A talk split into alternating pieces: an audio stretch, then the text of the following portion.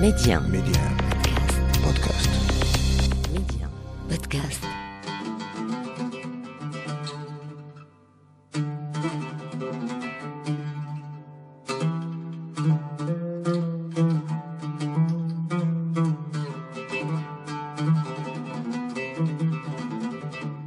نصل اليوم إلى ختام حوارنا مع وزير الأوقاف والشؤون الإسلامية أحمد التوفيق حول المدارس الدينية بالمغرب. في العدد السابق اختتمنا نقاشنا بالحديث حول مسألة تقدم الغرب على العالم الإسلامي خلال القرون الأخيرة. تقدم انعكس أيضا على مستوى التفرقة بين التعليم الديني وبين التعليم الحديث منذ تمكن الاستعمار من بسط نفوذه في المملكة.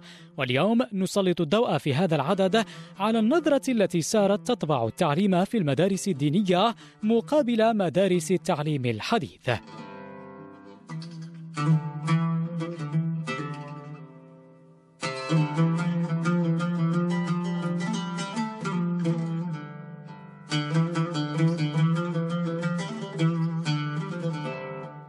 معالي الوزير أحمد التوفيق أرحب بك آه، من جديد. سؤالي آه، الموالي هو مرتبط حقيقة بالسؤال الذي طرحته آه، سابقا. اليوم تسمى المدارس الدينية في المغرب بمدارس التعليم العتيق أو الأصيل بنص الظهير الملكي المنظم لها للعام 2002 وعلى الرغم من أن معاني هذه التوصيفات أستاذ توفيق تحيل على العراقة والأصالة لكن كثيرا ما تربط في وقتنا الراهن بالتقليدية بشكل قدحي إلى حد ما أو بأنها لا تواكب آه، حداثة التعليم العصري الذي آه، استهل مع ال- المستعمر.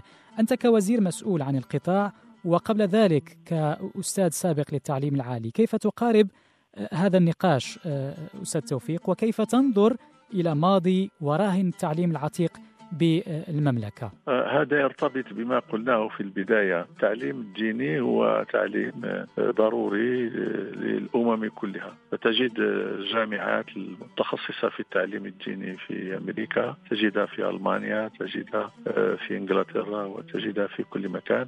كما تجد أقساما لتعليم الأديان يعني في مختلف الجامعات.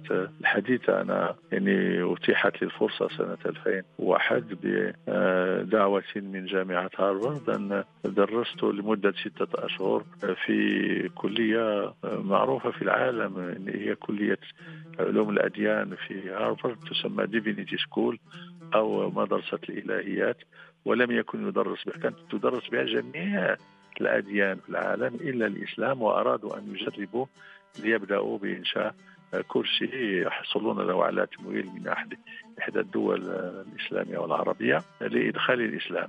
فالتعليم الديني موجود في كل مكان إلى جانب التعليم الآخر.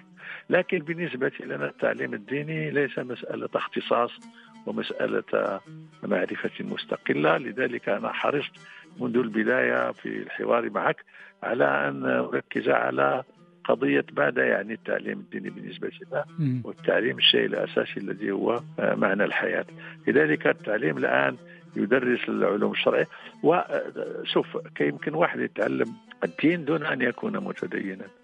لكن نحن بالنسبة لنا نعلم مثلا معهد مع- محمد السادس لتكوين الأئمة والمرشد- المرشدين والمرشدات يعني تكوين التأثير الديني. فنحن يعني أمة فيها إمارة المؤمنين التي هي حامية الملة والدين بمعنى تستجيب للحاجيات الاجتماعية المتوقفة على التأثير وهذا التأثير يتوقف على الأطر. فلذلك التعليم العتيق يعني آه، ليس وحده الذي يعلم الدين. هنالك يعني في كل آه، الجامعات المغربية على وجه التقريب شعبة للدراسة الإسلامية.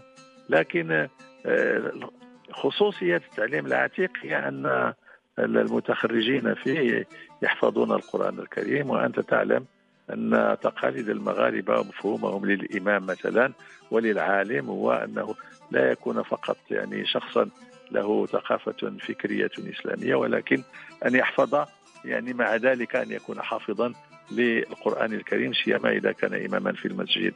هذه هي الخصوصية. ليس هنالك قدح إلا من آه، جهة جاهلة أو لا تعرف تاريخ الأمور أو معناها؟ كان هذا آخر سؤال لك آه، معالي الوزير أحمد توفيق ممتنون للغاية لكل هذه التوضيحات وكل الوقت الممنوح لنا وللمستمعين. ونستغل الفرصة اللحظة لتهنئتك على مولودك الأدبي الجديد رواية واحة تنونة. شكرا جزيلا لك تينونا آه. تينونا عفوا تينونا شكرا. بارك الله فيك وشكرا جزيلا لك سيدي الكريم. بارك الله فيك. Médi1 Médi1 بودكاست. Médi1 بودكاست.